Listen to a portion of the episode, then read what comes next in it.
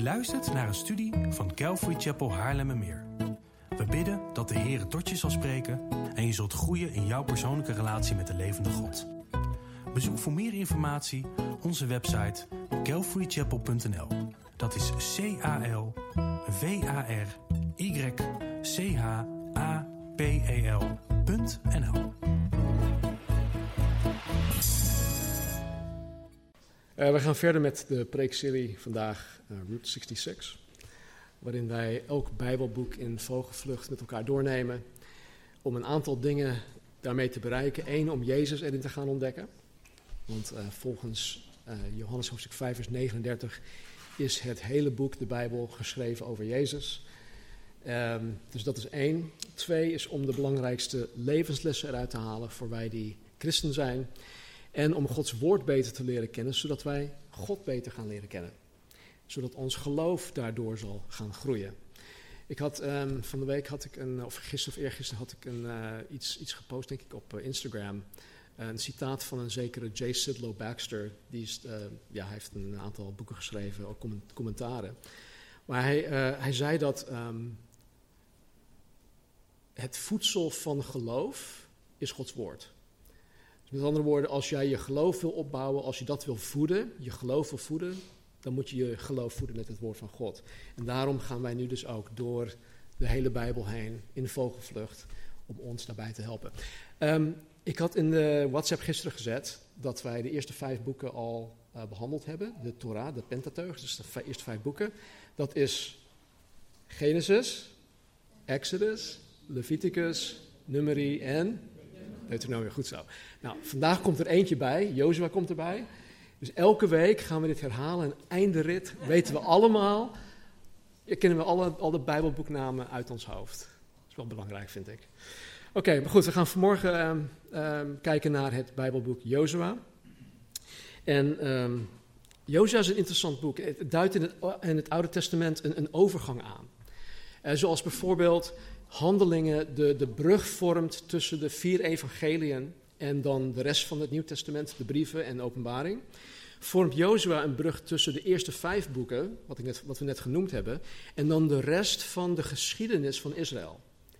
Dus vaak denken wij, of als je de Bijbel niet, nog niet goed kent, dan denk je, oké, dus het Oude Testament is van Genesis tot en met Malachi. En dat het allemaal in chronologische volgorde is. Maar dat is niet zo. De gehele historie van, van, van Israël eindigt met het, met het Bijbelboek Nehemia. En dan komen nog eens de, de, de poëtische boeken, dan komen daarna ook nog de grote profeten en de kleine profeten. En die zitten allemaal verweven in de, in de geschiedenis. Dus, um, um, wat, wat, wat ik zeggen? Weet ik niet meer. oh ja, de Jozef vormt dus die brug tussen de eerste vijf boeken van, van de Bijbel en dan de rest van de geschiedenis van Israël. Uh, Mozes schreef de, de Pentateuch, denk ik dat, het goed, dat ik het goed zeg. Dat, dat betekent letterlijk vijf rollen. Uh, ook de Torah genoemd, wat dan de instructie of de leer genoemd wordt. En deze vijf boeken gaan in grote lijnen over het, het formeren, het, het vormen, het maken van het volk of de natie Israël. In Genesis 12 uh, koos en riep God Abram. En vanaf dat moment zien wij dat uh, de focus op het formeren van Israël ligt. God be uh, belooft Abram nageslacht. God belooft Abram een land, een natie. En dat door zijn nageslacht alle volkeren gezegend zullen worden. Namelijk door Jezus Christus, die van Abraham af zal gaan stammen. En als we vervolgens door dan uh, ja, Exodus, Leviticus, Numeri en Deuteronomium heen gaan, dan zien wij dat Israël inderdaad door God geformeerd wordt. Nou, uh, nu zijn we dus bij Jozef aangekomen. En um, wij zien dat um, het volk op dit moment, na de, uh, de zwerftocht van 38 jaar, dat ze nu dus op de grens van het beloofde land staan. En ze staan op het punt om de, de rivier de Jordaan over te steken, om vervolgens het land in te gaan. Mozes is onlangs overleden en nu krijgt Jozua de leiding over het volk Israël. En hij is degene die het volk dus het beloofde land in moet gaan leiden. Jozua is trouwens ook um, het eerste boek van deze tweede verdeling van het Oude Testament. En ik ben blij dat de, degene die de Bijbel samengesteld hebben, dat is heel lang geleden ehm, gebeurd, dat, ehm, dat zij het ons enigszins makkelijker maken door ehm, ja, de, de Bijbel in, in rubrieken te gaan verdelen. Wat ik net ook zei, van de, de historische boeken, de poëtische boeken, grote profeten, kleine profeten. En de eerste rubriek, die hebben we reeds behandeld. Dat is dan ja, Genesis, Exodus, Leviticus, Numeri en Deuteronomium. De tweede rubriek bestaat dan uit de twaalf historische boeken van Israël. En ja, een paar uitzonderingen daar gelaten eh, bestaan deze twaalf boeken voornamelijk uit een vertelling. Het zijn verhalen. En Jozua begon ongeveer uh, eh, 1405 voor Christus en Nehemia eindigt ergens rond 425 voor Christus. En nogmaals, waarom zeg ik Nehemia in plaats van Esther? Omdat het oud-testamentisch gedeelte van de geschiedenis uh, van Israël met Nehemia eindigt en niet met Esther. Het verhaal van Esther vindt ongeveer 473 voor Christus plaats. En Nehemia's verhaal eindigt echt met uh, rond 425 voor Christus. Nou, ook verdeelt dit rubriek zich vrij makkelijk. Het eerste gedeelte bestaat uit Jozua tot en met twee kronieken. Uh, dit is het gedeelte waarin Israël in het beloofde land woont. Maar alleen totdat God de vijanden van Israël, in dit geval de Babyloniërs, gebruikt om Israël te straffen wegens haar afvalligheid. En, en dan wordt Israël gevangen genomen door de Babyloniërs en zullen ze 70 jaar lang in ballingschap gaan. Het tweede gedeelte bestaat uit Ezra, Nehemia en Esther. En deze drie boeken vinden plaats. sorry. Elke zondag gaat het, gebeurt dit. Geen enkele andere dag door de week, maar alleen op zondag. Ezra, uh, het gaat dus over, uh, even kijken, het tweede gedeelte, Ezra, Nehemia en Esther.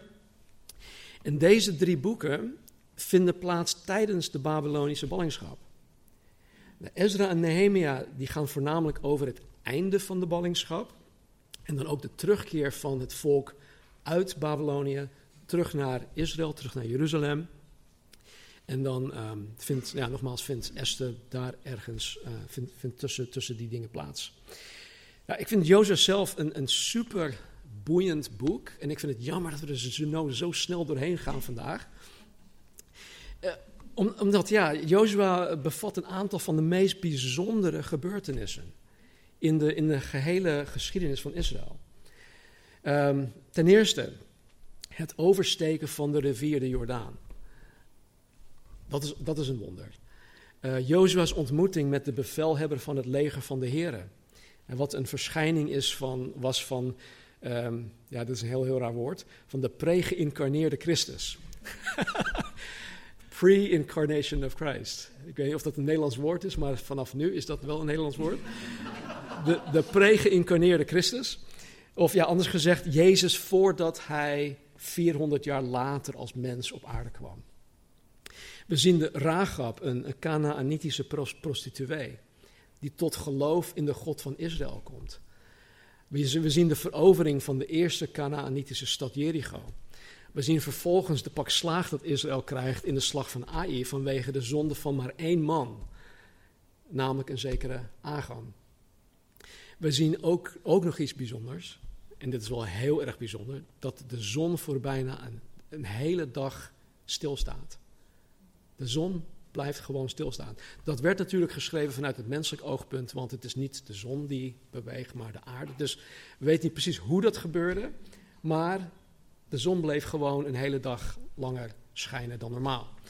Wij zien Caleb en zijn heldhaftige verovering van het land van de reuzen. Op 85-jarige leeftijd koos hij specifiek dat gebied omdat daar reuzen waren. En dat is echt iets, iets van, ja, van Caleb. We zien het verdelen van het beloofde land aan de twaalf stammen. En dan zien wij aan het einde het overlijden van Jozua op 110-jarige leeftijd. Nou, er zijn twee goede redenen. Althans, ik vind deze twee goed. Um, waarom wij Jozua niet alleen in vogelvlucht moeten behandelen zoals we dat vandaag doen, maar het in alle rust zouden moeten gaan bestuderen. En ten eerste is het omdat het vertelt over het in bezit nemen van het land dat God aan hen beloofd had. Nou, wij weten dat om het land in bezit te kunnen nemen, ehm, moet Israël, de Canaanieten, het land ontzeggen. Zij moeten oorlog gaan voeren tegen de koningen en tegen de volkeren. En er staat letterlijk dat zij mannen, vrouwen, kinderen, alles moeten doden. Nou, ik weet dat veel mensen hier moeite mee hebben. Mensen hebben moeite met een God dat Israël aanzet tot volkerenmoord. Uh, Niet-gelovigen gebruiken dit vaak als argument om niet in de Bijbel te willen geloven of niet in God te willen geloven. Want als een God inderdaad een God van liefde is, waarom zou hij dan genocide plegen? Eh, heel goed, heel goede vraag en een terechte vraag. Maar gelukkig is er een goed antwoord op die vraag. En uh, hopelijk, als jij die gedachte nu ook hebt, word je dan ja, overtuigd dat, dat daar wel een goede reden voor is. Dus in Genesis 15, vers 12 zien wij dit. Ik moet even teruggaan om de context te schetsen. Er staat, um, dit is de situatie met, um, met Abram. God is met Abram bezig. En dit is net nadat God Abram had gekozen en geroepen. En er staat er, en het gebeurde toen de zon bijna onderging, dat er een diepe slaap op Abram viel. En zie, een grote, schrikwekkende duisternis viel op hem. Dus Abraham, die dan een paar eh, hoofdstukken later door God Abraham genoemd wordt, hij, hij valt hier in slaap en dan krijgt hij een verschrikkelijke nachtmerrie.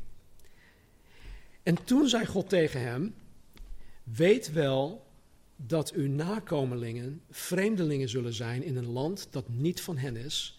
Zij zullen hen dienen en men zal hen 400 jaar onderdrukken.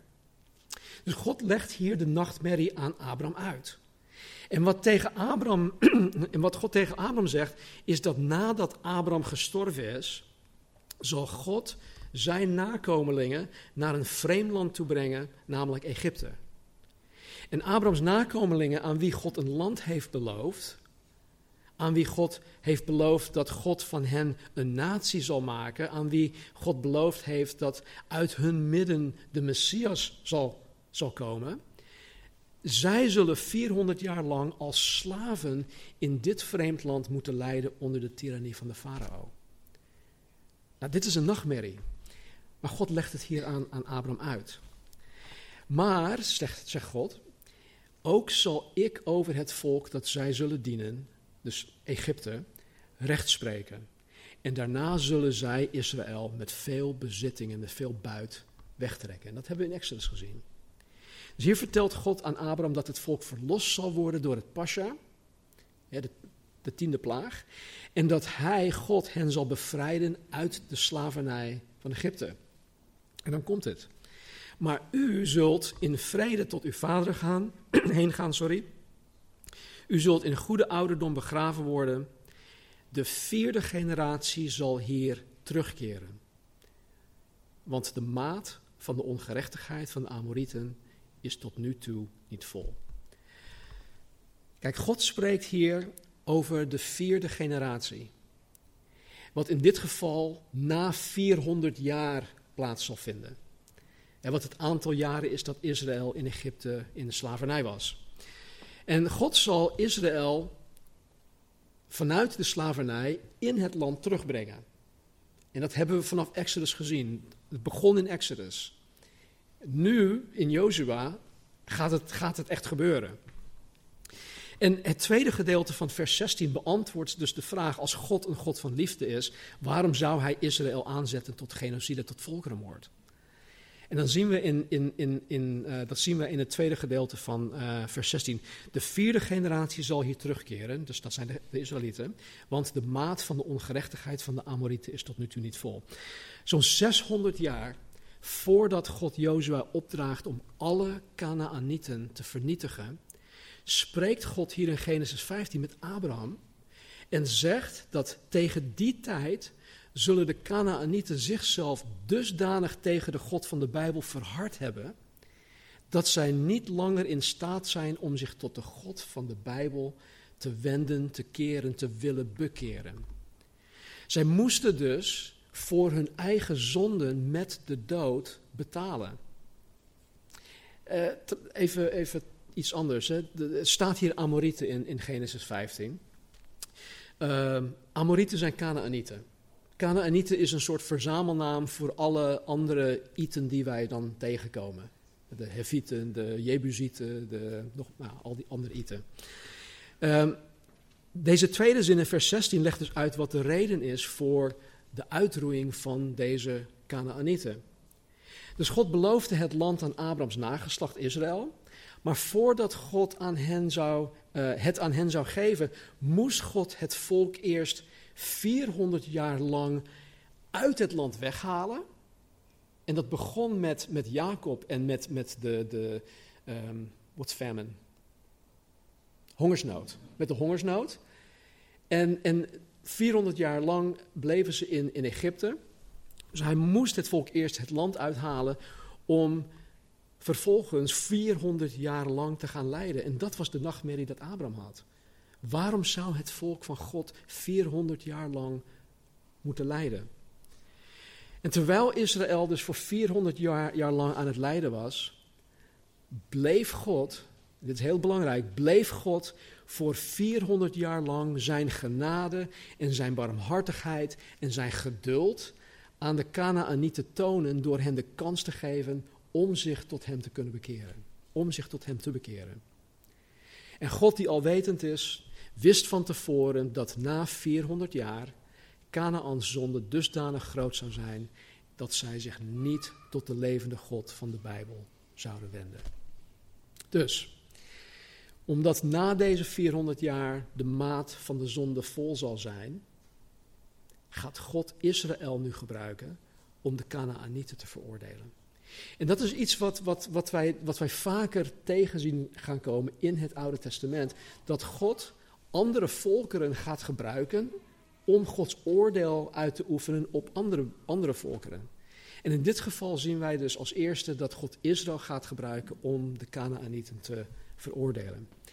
Het veroveren van Canaan was dus Gods oordeel over deze volkeren die honderden jaren lang de tijd en de gelegenheid van God gekregen hadden om zich van hun gruweldaden te bekeren. Nou, dit. Deze Canaanieten waren, waren geen lieve mensen. Het waren polytheïsten, wat, wat simpelweg betekent dat zij meerdere afgoden of uh, ja, meerdere afgoden aanhingen en meerdere afgoden aanbaden. Waaronder een zekere afgod Baal. Baal zien we, zullen we ook meerdere malen terug zien komen in het Oude Testament. En, en, archeologische vondsten hebben aangetoond dat deze, deze Canaanieten hun baby's aan afgoden offerden. En dit was een, dit was een gevolg van het, het ongewenst zwanger raken door de religieuze prostitutie waarmee zij zich bezighielden. Dus in hun, in hun, in hun godsdienst waren er tempelprostituees. Gebeurden allerlei losbandige dingen. En door de losbandigheid van um, deze religieuze praktijken raakten deze prostituees die zich daarmee bezighielden, raakten ongewenst zwanger. Ze hadden toen de, de morning after pill niet. Ze hadden toen de, ja, al dat soort dingen niet. En hoe zij vervolgens omgingen met deze ongewenste baby's, was door hen aan hun afgoden te offeren, door hun levend te verbranden op hun altaren. Leviticus 18:21 spreekt over het offeren van kinderen aan de afgod Molech. En dat is wat zij deden. En God vond dat absoluut niet oké.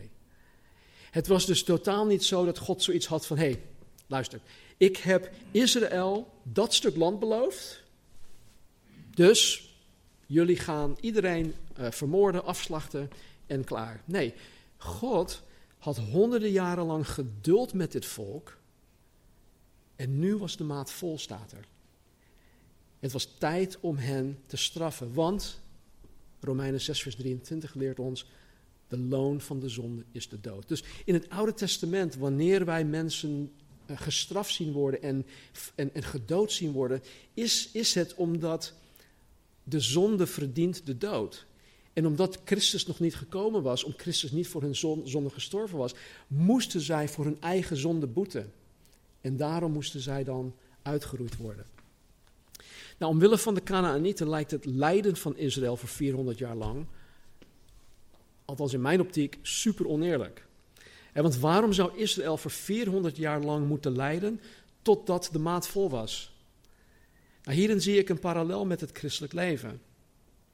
Ik weet niet hoe jullie, hoe jullie dit zien, maar ik word wel eens moe van het christen zijn in een vijandige en zondige wereld. En het is niet zo dat ik mensen niet lief heb of zo, maar soms denk ik van, man, uh, het gaat meer om mensen die, die meer dan, dan, dan, dan, dan, dan wij lijden, maar uh, soms heb ik echt zoiets van, Heer, kom alsjeblieft nu terug. Wij verwachten de, de, de opname. En, en mijn moeder, als ik er, elke keer als ik er spreek, ik bid nog elke dag voor de opname. En zij wil liefst dat wij gewoon allemaal samen zijn, dat de afstand tussen Amerika en Nederland er niet meer is. En dat wij gewoon samen met elkaar zijn, met, met, met, mijn vader in de hemel en nou, noem maar op.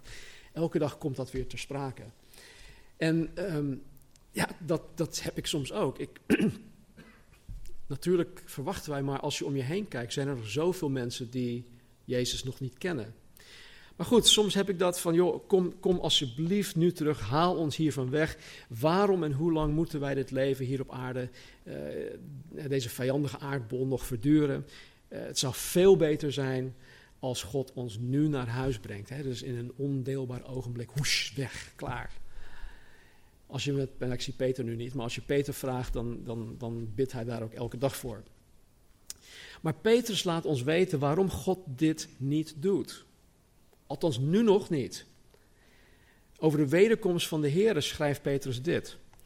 De Heere vertraagt de belofte niet, zoals sommigen dat als traagheid beschouwen. Maar Hij, God, heeft geduld met ons, dus met ons als mens zijnde, en wil niet dat enigen verloren gaan, maar dat allen tot bekering komen. Dus zoals God zo'n 400 jaar lang geduld had met de Canaanieten, heeft God geduld met de ongelovige wereld waarin wij nu leven, omdat Hij niet wil dat enige mensen verloren gaan. Dat is Gods hart. Hij wil niet dat mensen verloren gaan. Maar in de tussentijd, dus totdat Jezus terugkomt, moeten wij, wij die Jezus nu navolgen, en wij eh, waarvan God onvoorwaardelijk van, van houdt, wij waarvoor Jezus aan het kruis is gestorven, wij moeten ja, in verschillende maten lijden totdat de maat ook nu vol is en God de wereld zal gaan oordelen. Nou moet ik zeggen dat wij hier in het Westen eigenlijk niets afweten van lijden als christen. En natuurlijk is het vervelend als je met mensen in gesprek raakt of als je op je werk uh, ja, bespot wordt of hè, dat, dat mensen nare dingen over je zeggen, maar dat is niks in vergelijking met wat onze uh, broeders in andere landen uh, meemaken. Maar goed, um, God heeft toegestaan dat zijn eigen volk, Israël, voor honderden jaren lang heeft moeten lijden. Omdat God wilde dat de Canaanieten zich bekeerden. Maar omdat de maat van hun zonden op dit moment van Jozua's schrijven nu vol is, stuurt God Jozua en de Israëlieten naar Canaan toe als Gods oordeel voor hun zonde. Nou, dus de eerste reden waarom, waarom wij Jozua zouden moeten bestuderen is om gewoon goed te kunnen begrijpen waarom um, God of uh, dat Israël het beloofde land heeft veroverd en vooral ook waarom God, waarom Israël het land heeft uh, veroverd. De tweede reden is omdat het verhaal van Jozua te vergelijken is met, met ons christelijk leven, met het christelijk leven. Israël is reeds verlost uit Egypte. Ze hebben de zwerftocht in de woestijn overleefd. En nu gaan zij de Jordaan oversteken naar het beloofde land. En ik weet niet of, of jullie dit ook uh, weten, maar uh, vooral in de Engelstalige hymnes uh, zien wij dat, um, dat de Jordaan afgeschilderd wordt als de, de lichamelijke dood van de mens. En dat Canaan dan de hemel is. er zijn liederen eh, die, het, die het daarover hebben. En alhoewel het sentiment ja, heel goed kan voelen, en is het misschien ook leuk om te zingen, is het geen zuivere interpretatie van de schrift. Canaan is niet een beeld van de hemel. Canaan is, um, ja, daar kom ik zo meteen nog op terug. Zodra Israël de Jordaan oversteekt, zal er in Canaan oorlog ontstaan. Heel veel oorlog. En er is in de hemel geen oorlog. In Canaan zal er zonde aanwezig zijn. Israël zal te maken krijgen met pijn en met ellende en met, met allerlei problemen. Geen van deze dingen zullen in de, in de hemel aanwezig zijn. Dus de vergelijking tussen Canaan en de hemel gaat niet op. Daarentegen is Canaan een beeld van het ingaan tot een dieper en meer betekenisvolle ervaring met God. Ja, wat ik een uh, paar studies geleden ook had gezegd, dat het is of je blijft rondzwerven in de woestijn, of je gaat het beloofde land in. En het beloofde land ingaan, waar ik zo meteen nog op terugkom, is, is meer dan alleen gered te zijn. Een zekere J. Sidlow Baxter, die ik gisteren zo net ook had geciteerd, schreef dit. Hij zegt, zowel de schrift, dus de Bijbel, als ook persoonlijke ervaring bevestigen dat naast het werk van de wedergeboorte, onze redding, er een apart werk van Gods genade is. Ja, zowel de schrift als ook persoonlijke ervaring bevestigen dat naast het werk van de wedergeboorte, onze redding, er een apart werk van Gods genade is. Dus iemand komt tot geloof in Christus en zijn of haar zonden zijn vergeven, waardoor die persoon een relatie met God kan aangaan. Maar zowel de schrift als ook persoonlijke ervaring die zo'n persoon dan heeft, bevestigen dat er meer is dan alleen door Jezus Christus gered te zijn. Veel meer. Er is meer dat God met ons wil doen.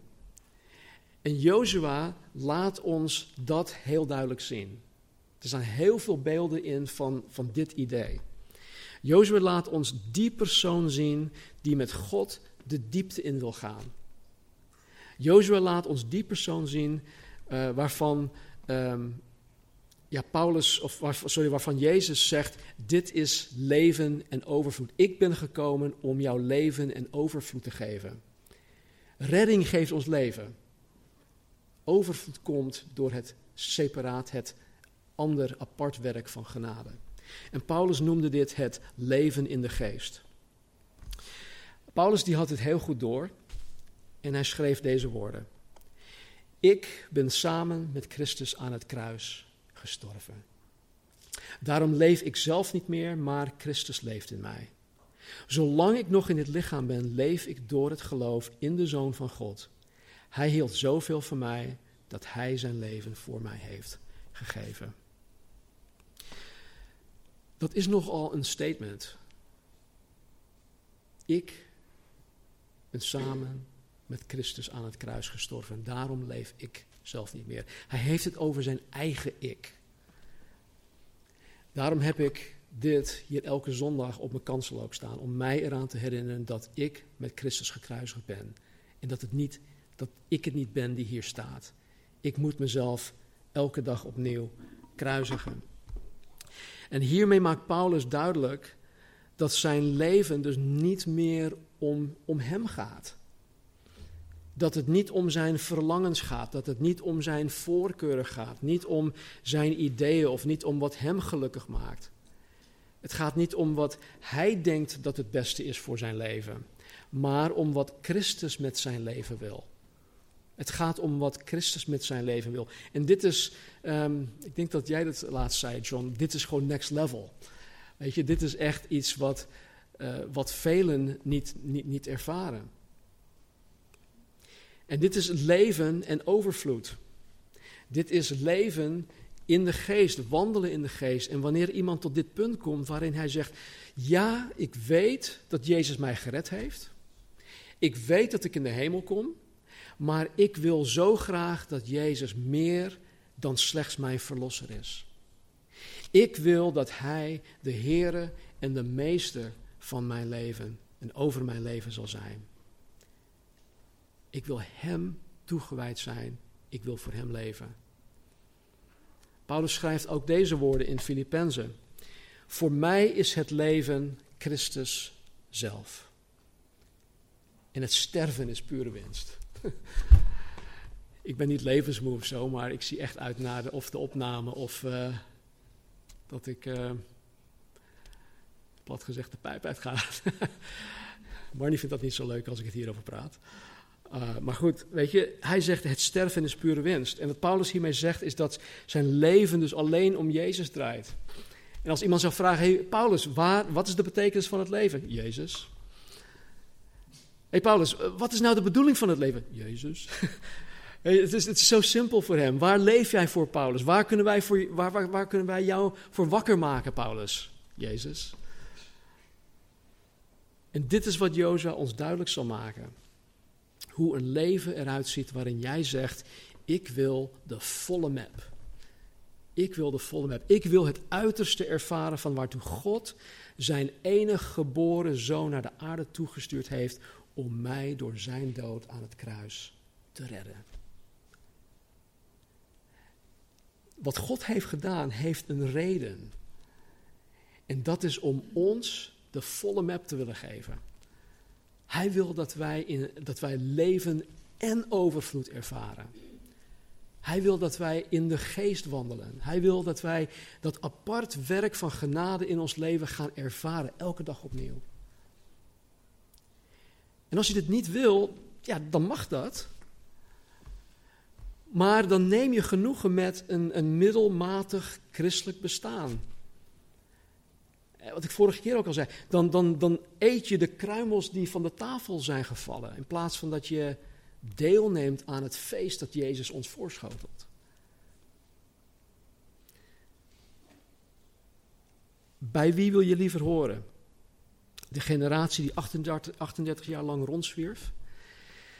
Of de generatie die het beloofde land introk en mocht genieten van al Gods beloften en zegeningen?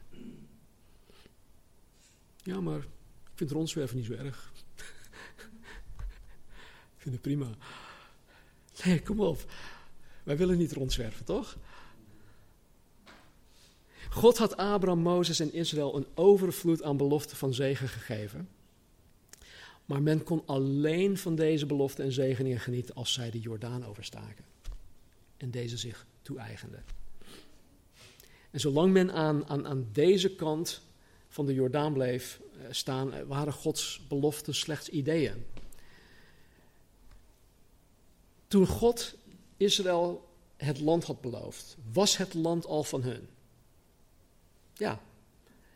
En ik kan me voorstellen dat, uh, dat ze aan deze kant van de Jordaan stonden en dat ze daar in de verte keken van kijk, oh, dat is die heuvel, die is van mij. Ja, en hoe is het daar dan? Ja, dat weet ik niet. Um, heb je daar al ooit op gestaan? Nee. Maar hij is wel van mij.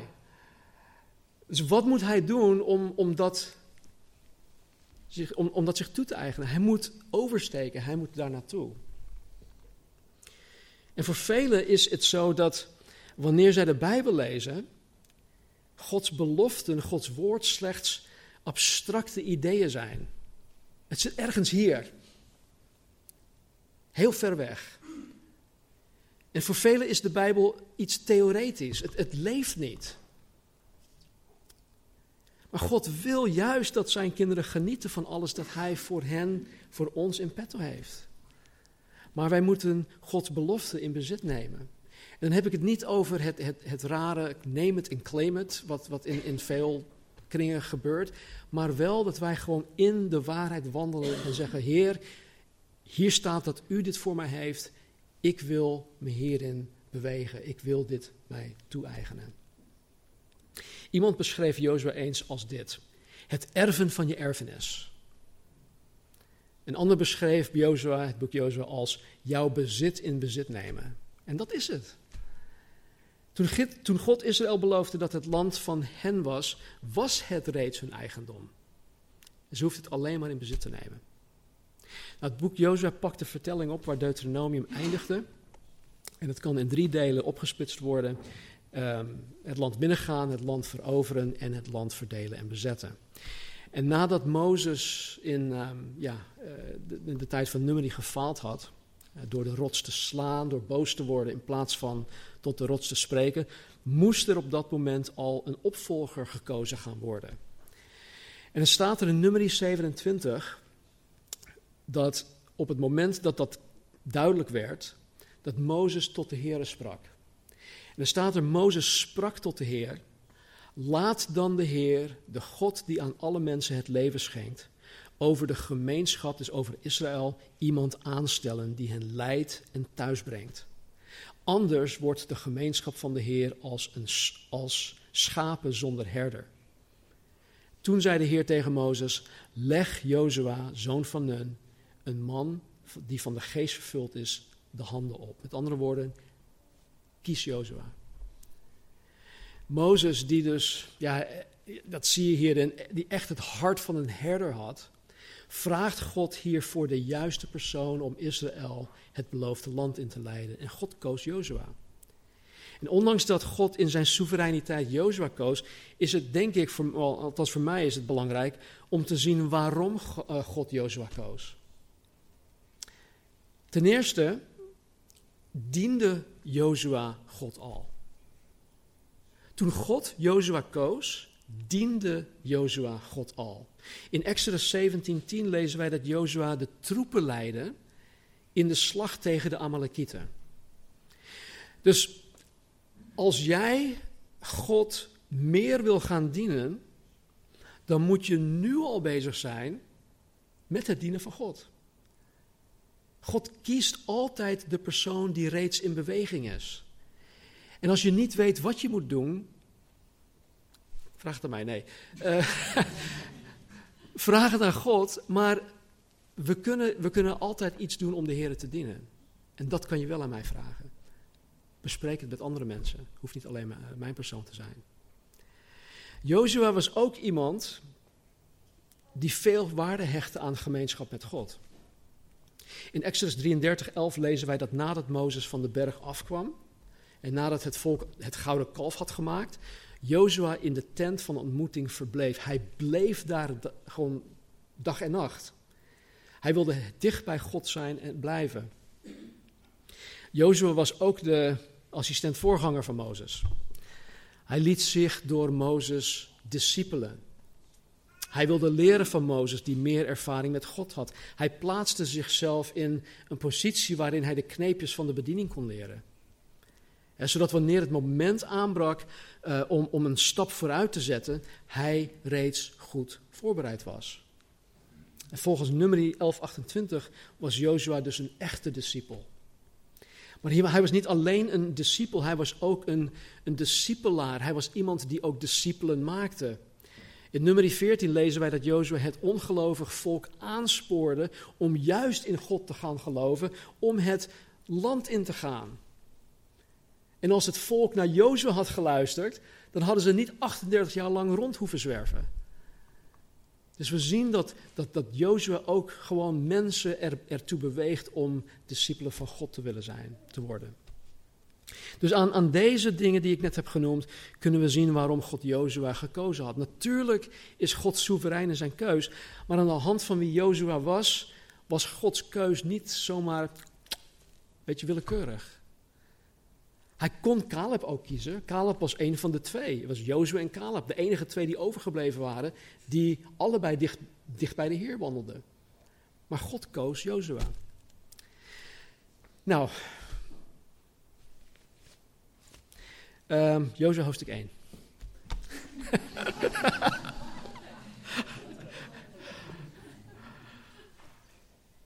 nee, laten we het stukje gewoon lezen. Het gebeurde na de dood van Mozes de dienaar van de Heere. Dat de Heere tegen Jozua, de zoon van Nun, de dienaar van Mozes, zei: Mijn dienaar Mozes is gestorven. Nu dan, sta op, steek deze Jordaan over, u en heel dit volk, naar het land dat ik aan hen, de Israëlieten, gegeven. Elke plaats die uw voedsel betreedt, heb ik u gegeven overeenkomstig wat ik tot Mozes gesproken heb.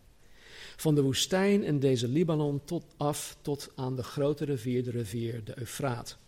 Heel het land van de Hethieten en tot de grote zee waar de zon ondergaat, zal uw gebied zijn. Niemand zal tegenover u stand houden al de dagen van uw leven. Zoals ik met Mozes geweest ben, zal ik met u zijn. Ik zal u niet loslaten en u niet verlaten. Wees sterk en moedig, want u zult dit volk het land dat ik hun vader gezworen heb, hun te geven in erfbezit laten nemen. Dus hier zien wij waartoe God Jozua geroepen heeft. Het zijn twee dingen. Hij moest het volk Israël het land inleiden.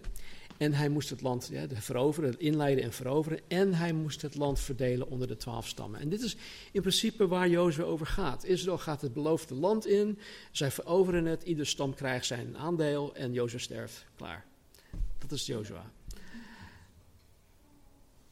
Maar hier zien wij dat God Jozua roept om het onmogelijke te doen. En dat is altijd met ons ook het geval. God vraagt van ons altijd het menselijk onmogelijke.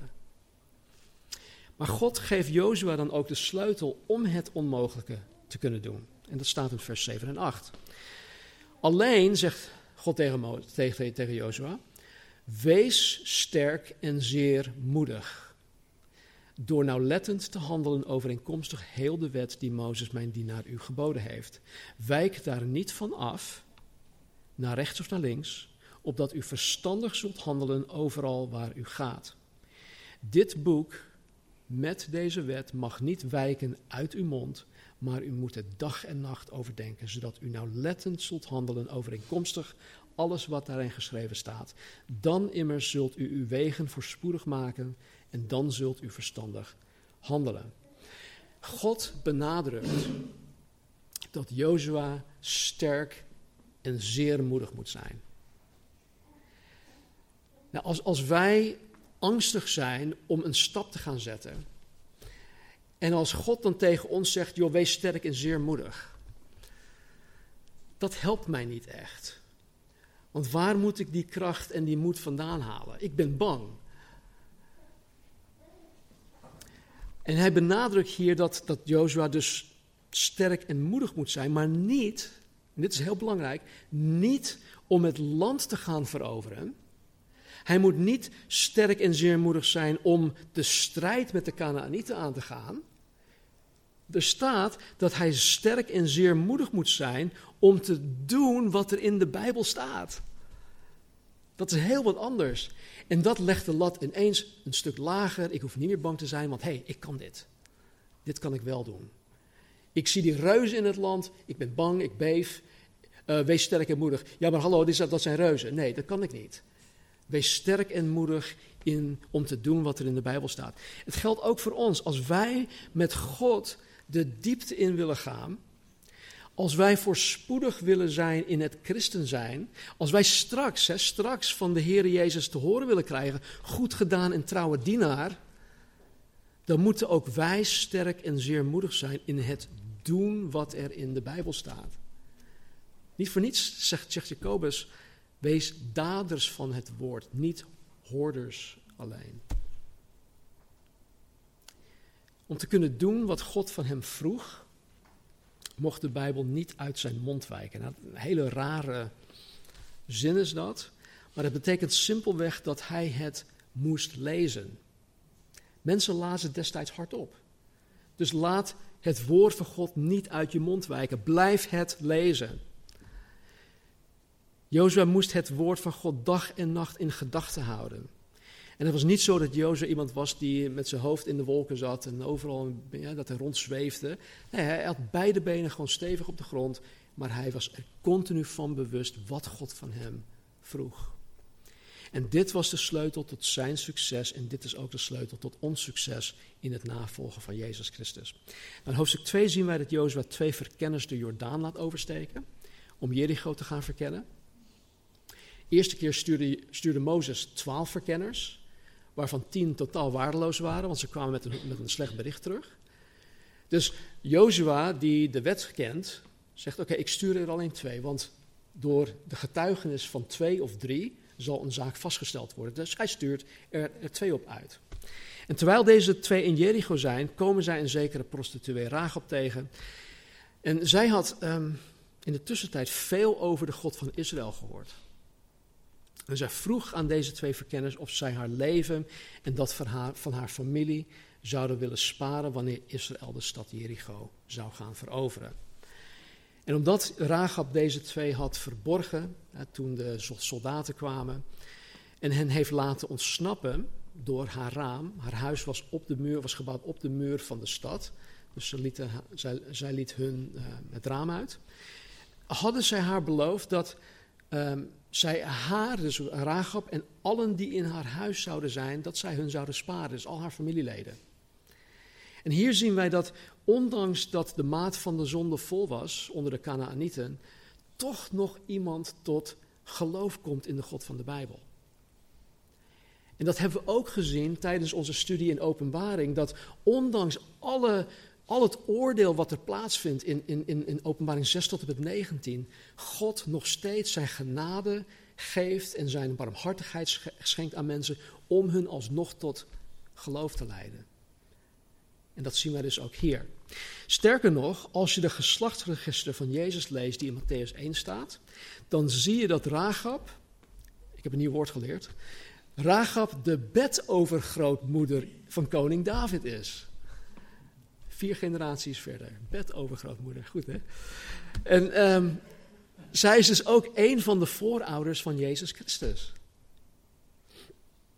En haar voorbeeld, haar voorbeeld geeft aan dat het bij God dus totaal niet uitmaakt wie je bent of wat je hebt gedaan. En daar ben ik zo ontzettend dankbaar voor. Dat het bij God totaal niet uitmaakt wie jij bent geweest, wat je hebt gedaan in het verleden, hoe slecht je ook was geweest. Als je voor God kiest, dan zal je Hem niet alleen toebehoren, dan zal je niet alleen kunnen uh, het leven gaan krijgen, maar God zal je ook nog eens gaan gebruiken. En zoals met Rahab. God heeft haar op zo'n bijzondere wijze gebruikt. Een prostituee. Zij zou in deze wereld, in deze maatschappij totaal geen kans krijgen.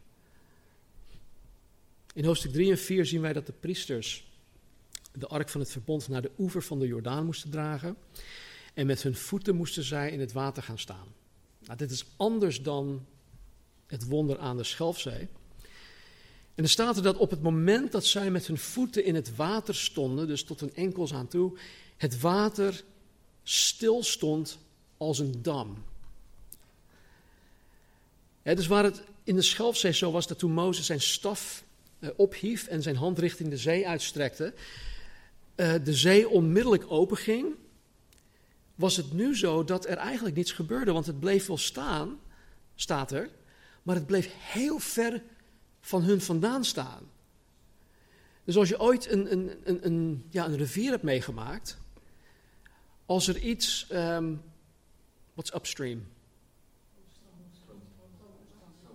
Stroomopwaarts gebeurt, als daar iemand uh, bijvoorbeeld het water in springt, dan duurt het nog even voordat hij of zij bij jou komt. Dus het gebeurde ergens uh, stroomopwaarts dat het water daar ophield. En er staat in de Bijbel dat het heel ver weg was. Dus die priesters die staan er in het water met de ark. Wat gebeurt er nou? Niks. Dus zij, zij moesten wachten. Zij moesten wachten totdat zij het resultaat van het wonder zagen voordat zij de Jordaan over konden steken. En vaak is het ook zo met ons. God vraagt ons om, om, om iets te doen. Hij vraagt ons om een, een, om een geloofstap te zetten. Vervolgens doen wij wat God van ons vraagt. En dan zien wij dat er helemaal niks gebeurt. En dan denken wij van, uh, wat moeten wij nu? Er gebeurt helemaal niks. God, heb ik u verkeerd verstaan? Ik heb u toch gehoorzaamd? U heeft dit aan mij gevraagd, ik heb het gedaan, maar ik zie helemaal niks. En vaak moeten ook wij wachten op het resultaat. En maar zoals hier gebeurt, betekent het dus niet dat God niets aan het doen is. Het is vaak alleen buiten ons zichtveld waar God wel aan het werk is. Weet je, God doet zoveel achter de schermen waarvan wij totaal geen weet hebben. En als God dan ervoor kiest om ons iets van dat werk te laten zien, dan denk ik van, oh man, wat ben ik stom geweest. Ik had al die tijd God eigenlijk al moeten gaan vertrouwen. Maar ik heb al die tijd zitten ijsberen en te zorgen te maken over dit en dat. En al die tijd was God achter de schermen eigenlijk al bezig. Wij moeten leren wachten. Geloofstap zetten, in geloof handelen en dan wachten totdat God iets laat zien wat hij aan het doen is. In hoofdstuk 5 zien wij dat alhoewel Israël nu de Jordaan overgestoken was, zij nog een aantal essentiële zaken moesten afhandelen voordat zij de strijd aan konden gaan om het land te gaan veroveren. Nou, Israël had 38 jaar lang in, in de woestijn rondgezworven. En in die tijd hadden zij het Pascha niet gevierd. Dus God zegt: Oké, ik wil nu dat jij het paasfeest, het Pascha gaat vieren. Hebben ze dus gedaan. Dat moest ook elk jaar vervolgens uh, gevierd worden. En zij hadden deze generatie mannen, 600.000 nog wat, niet besneden. En dan moet je denken dat jongetjes die worden op hun achtste dag besneden, maar dit zijn gewoon volwassen kerels.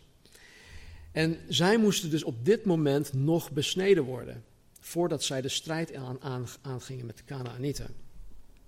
En wat God hiermee zegt, is dat voordat zij de strijd aangaan, en om alles te kunnen ervaren dat, dat God voor hen in petto had, moest er wat vlees bij hun weggesneden worden. En wat God hiermee, uh, hiermee wil doen, is, is hij wil de gevoelige plekken in ons leven wegsnijden. Hij wil iets heel privé bij hen weghalen.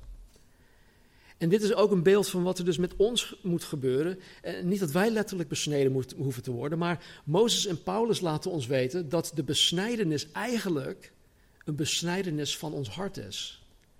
Het heeft te maken met ons hart. Met andere woorden, als wij zeggen dat wij alles willen ervaren wat God voor ons heeft, dan moet er eerst iets van ons vlees weggesneden worden. De Bijbel noemt dat het heiligingsproces.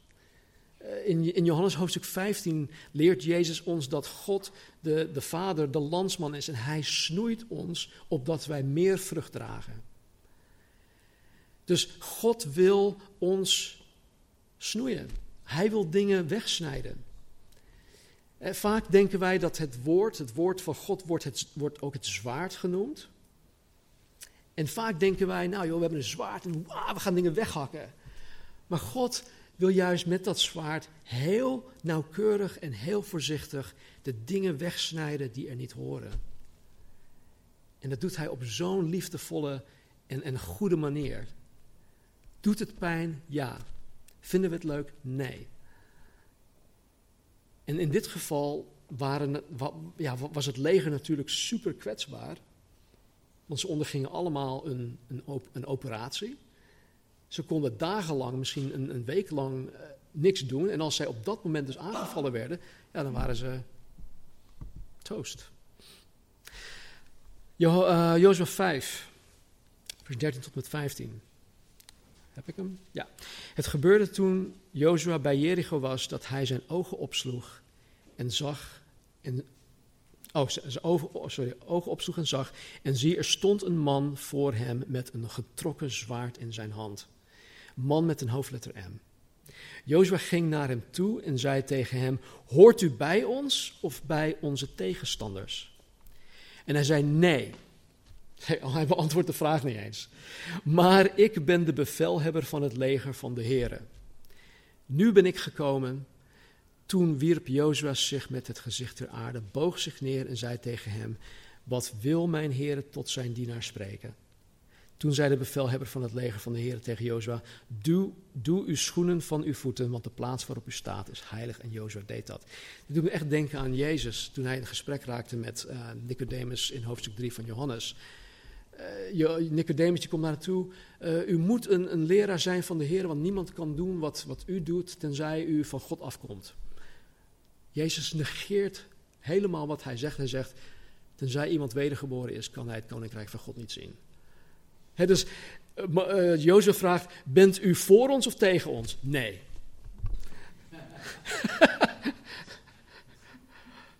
Zo'n Jezus antwoord. Ten eerste is het heel bijzonder, vind ik, dat Jozua richting die man met een getrokken zwaard toe ging.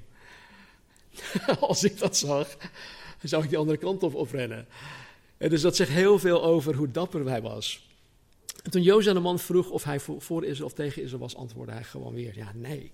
Met andere woorden, het gaat er niet om of ik voor of tegen jou ben, zegt de bevelhebber.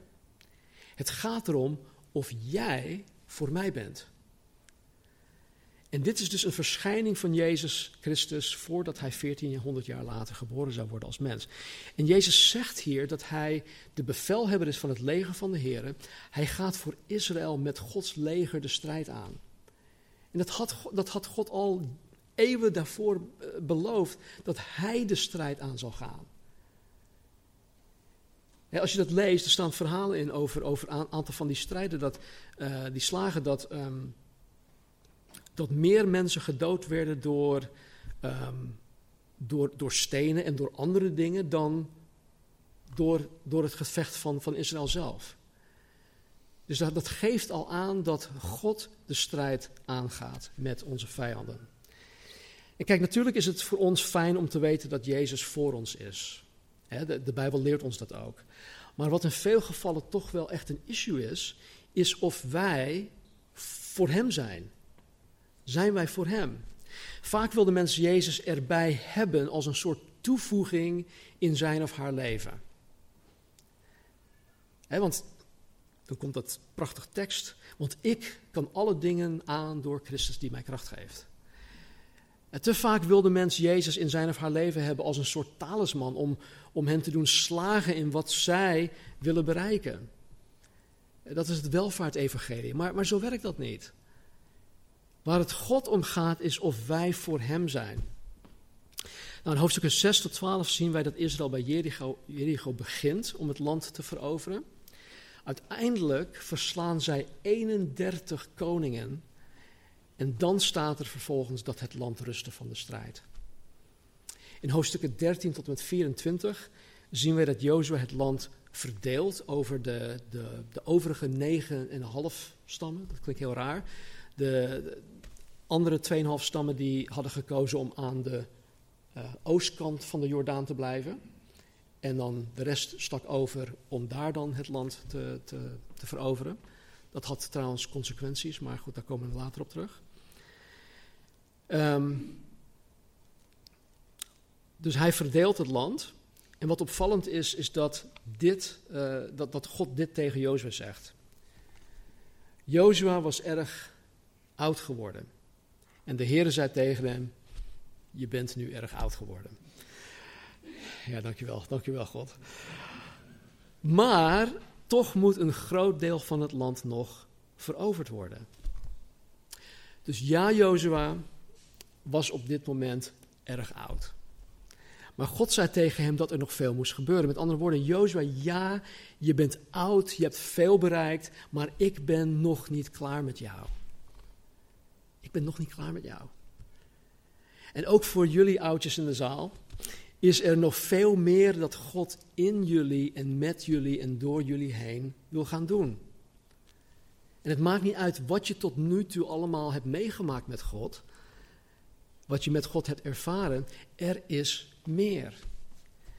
Ik zei onlangs tegen een, een broeder die iets ouder is dan ik, ehm, tijdens het mannenweekend, the best is yet to come. Dat geloof ik echt. Weet je, God, God uh, Caleb, die was 85, hij zei van, joh, ik wil per se dat stuk land hebben, want de kracht waarmee ik het land 40 jaar geleden introk als een, een van de, de verspieders, ik heb diezelfde kracht nog steeds. En het was niet omdat hij die kracht had, maar hij wist wie hem de kracht zou geven om het te doen. Dus het maakt niet uit hoe oud of hoe krakkemikkig je bent, Gods kracht kan in ons en door ons heen werken en blijven werken. En ondanks dat je misschien niet zoveel energie meer hebt, misschien stelt je lichaam je vaak teleur, weet dat God jou nog steeds wil uitdagen. God wil jou nog steeds uit je comfortzone trekken. God wil jou nog steeds snoeien en gebruiken. En misschien heeft God totaal iets nieuws voor jou in petto. Vraag het, zoek. Zoek God, zoek Gods wil daarin. Nou, in zijn afscheidsspeech herinnert Jozua het volk aan wat God voor hen gedaan heeft. En dat ja, zij zich moeten houden aan de Bijbel. En dan stelt Jozua het volk voor een keus. En dan staat er dit. Als u de Heere niet verkiest te dienen, kies dan nu wie u wel wilt dienen. De goden die uw voorouders aan de overkant van de rivier hebben vereerd, of de goden van de Amorieten, van wie u nu het land bewoont. Maar ik en mijn familie, wij dienen de Heer. Hij heeft, hij Jozua heeft de juiste keus gemaakt. En ik vind het zo mooi dat God aan ons de keuze overlaat. Wij hebben keuzevrijheid. Wat willen wij? Zijn wij gretig? Zijn wij um, ijverig om God te willen dienen? Om het diepe in te willen gaan met God? Jozua had dat wel. Ik en mijn familie, wij dienen de Heer. Laten we bidden. Hemelse Vader, dank u wel dat u ons dit boek hebt gegeven. Heer, ik, ik voel me zo schuldig dat we, het, ja, dat we er zo snel doorheen zijn gegaan. Maar Heer, ik hoop dat uh, vanmorgen, Heer, wat wij met elkaar hebben besproken, dat dat uh, ons nieuwsgierig zal maken om het woord, om, om dit boek um, ja, zelf te gaan lezen. Zelf te gaan bestuderen. Om het hier met elkaar over te gaan hebben. Want er zit zoveel in. Dank u wel voor het prachtige voorbeeld van Jozua en van Caleb en, en alle anderen, Heer, die, ja, die zich aan uw woord hebben gehouden. Help ons, Vader, help ons om sterk en zeer moedig te zijn om te doen wat er in de Bijbel staat. Zo vaak horen wij dat, uh, dat het christendom of het christen zijn alleen voor zwakke mensen is. Ja, heren, ik weet dat wij aan de ene kant zwak zijn. Maar aan de andere kant leert u ons door dit stuk dat wij juist uh, sterk en zeer moedig moeten zijn om te doen wat er in de Bijbel staat. Het christen zijn is niet voor de lafhartigen. Het christen zijn is niet voor, ja, voor watjes. Dus help ons, Heer. Help ons om, om sterk en zeer moedig te zijn. Geef ons ook het verlangen om met u de diepte in te willen gaan. En help ons daarbij. Help ons, Heer, om, om ook in te zien dat, um, dat Canaan ja, een beeld is van um, een leven samen met u. En, en dat het niet altijd van een leien dakje gaat. Dat het niet altijd roze geur en maneschijn is. Maar dat er gevochten moet gaan worden. Dat wij de strijd ingaan en aangaan. Heer, met onze vijand, de duivel. Maar dat wij dat net zoals Israël dat deed, Heer, dat niet in onze eigen kracht hoeven te doen, maar dat U de strijd voor ons aangaat. Wij hoeven ons alleen maar naar U te schikken. Wij hoeven ons alleen uh, te. te um, wij hoeven alleen de, de, de wapenrusting aan te trekken en te doen wat van ons gevraagd wordt. Help ons, leer ons. We hebben het zo hard nodig. Dus Heer, zegen en ieder vandaag. Heer, waarin, uh, waar wij hierin gefaald hebben, Heer, vergeef het ons. En geef ons van vandaag ook de, de wetenschap dat wij vanmorgen met een schone lei mogen beginnen. Dat wij nieuwe kansen krijgen om U te dienen. Om die keus voor U te maken. En zoals Jozua zegt, Heer, ik en mijn familie, wij dienen de Heer. Laat dat ons beleid zijn, beleidenis zijn. Help ons daarbij. Het vraag van Jezus' naam.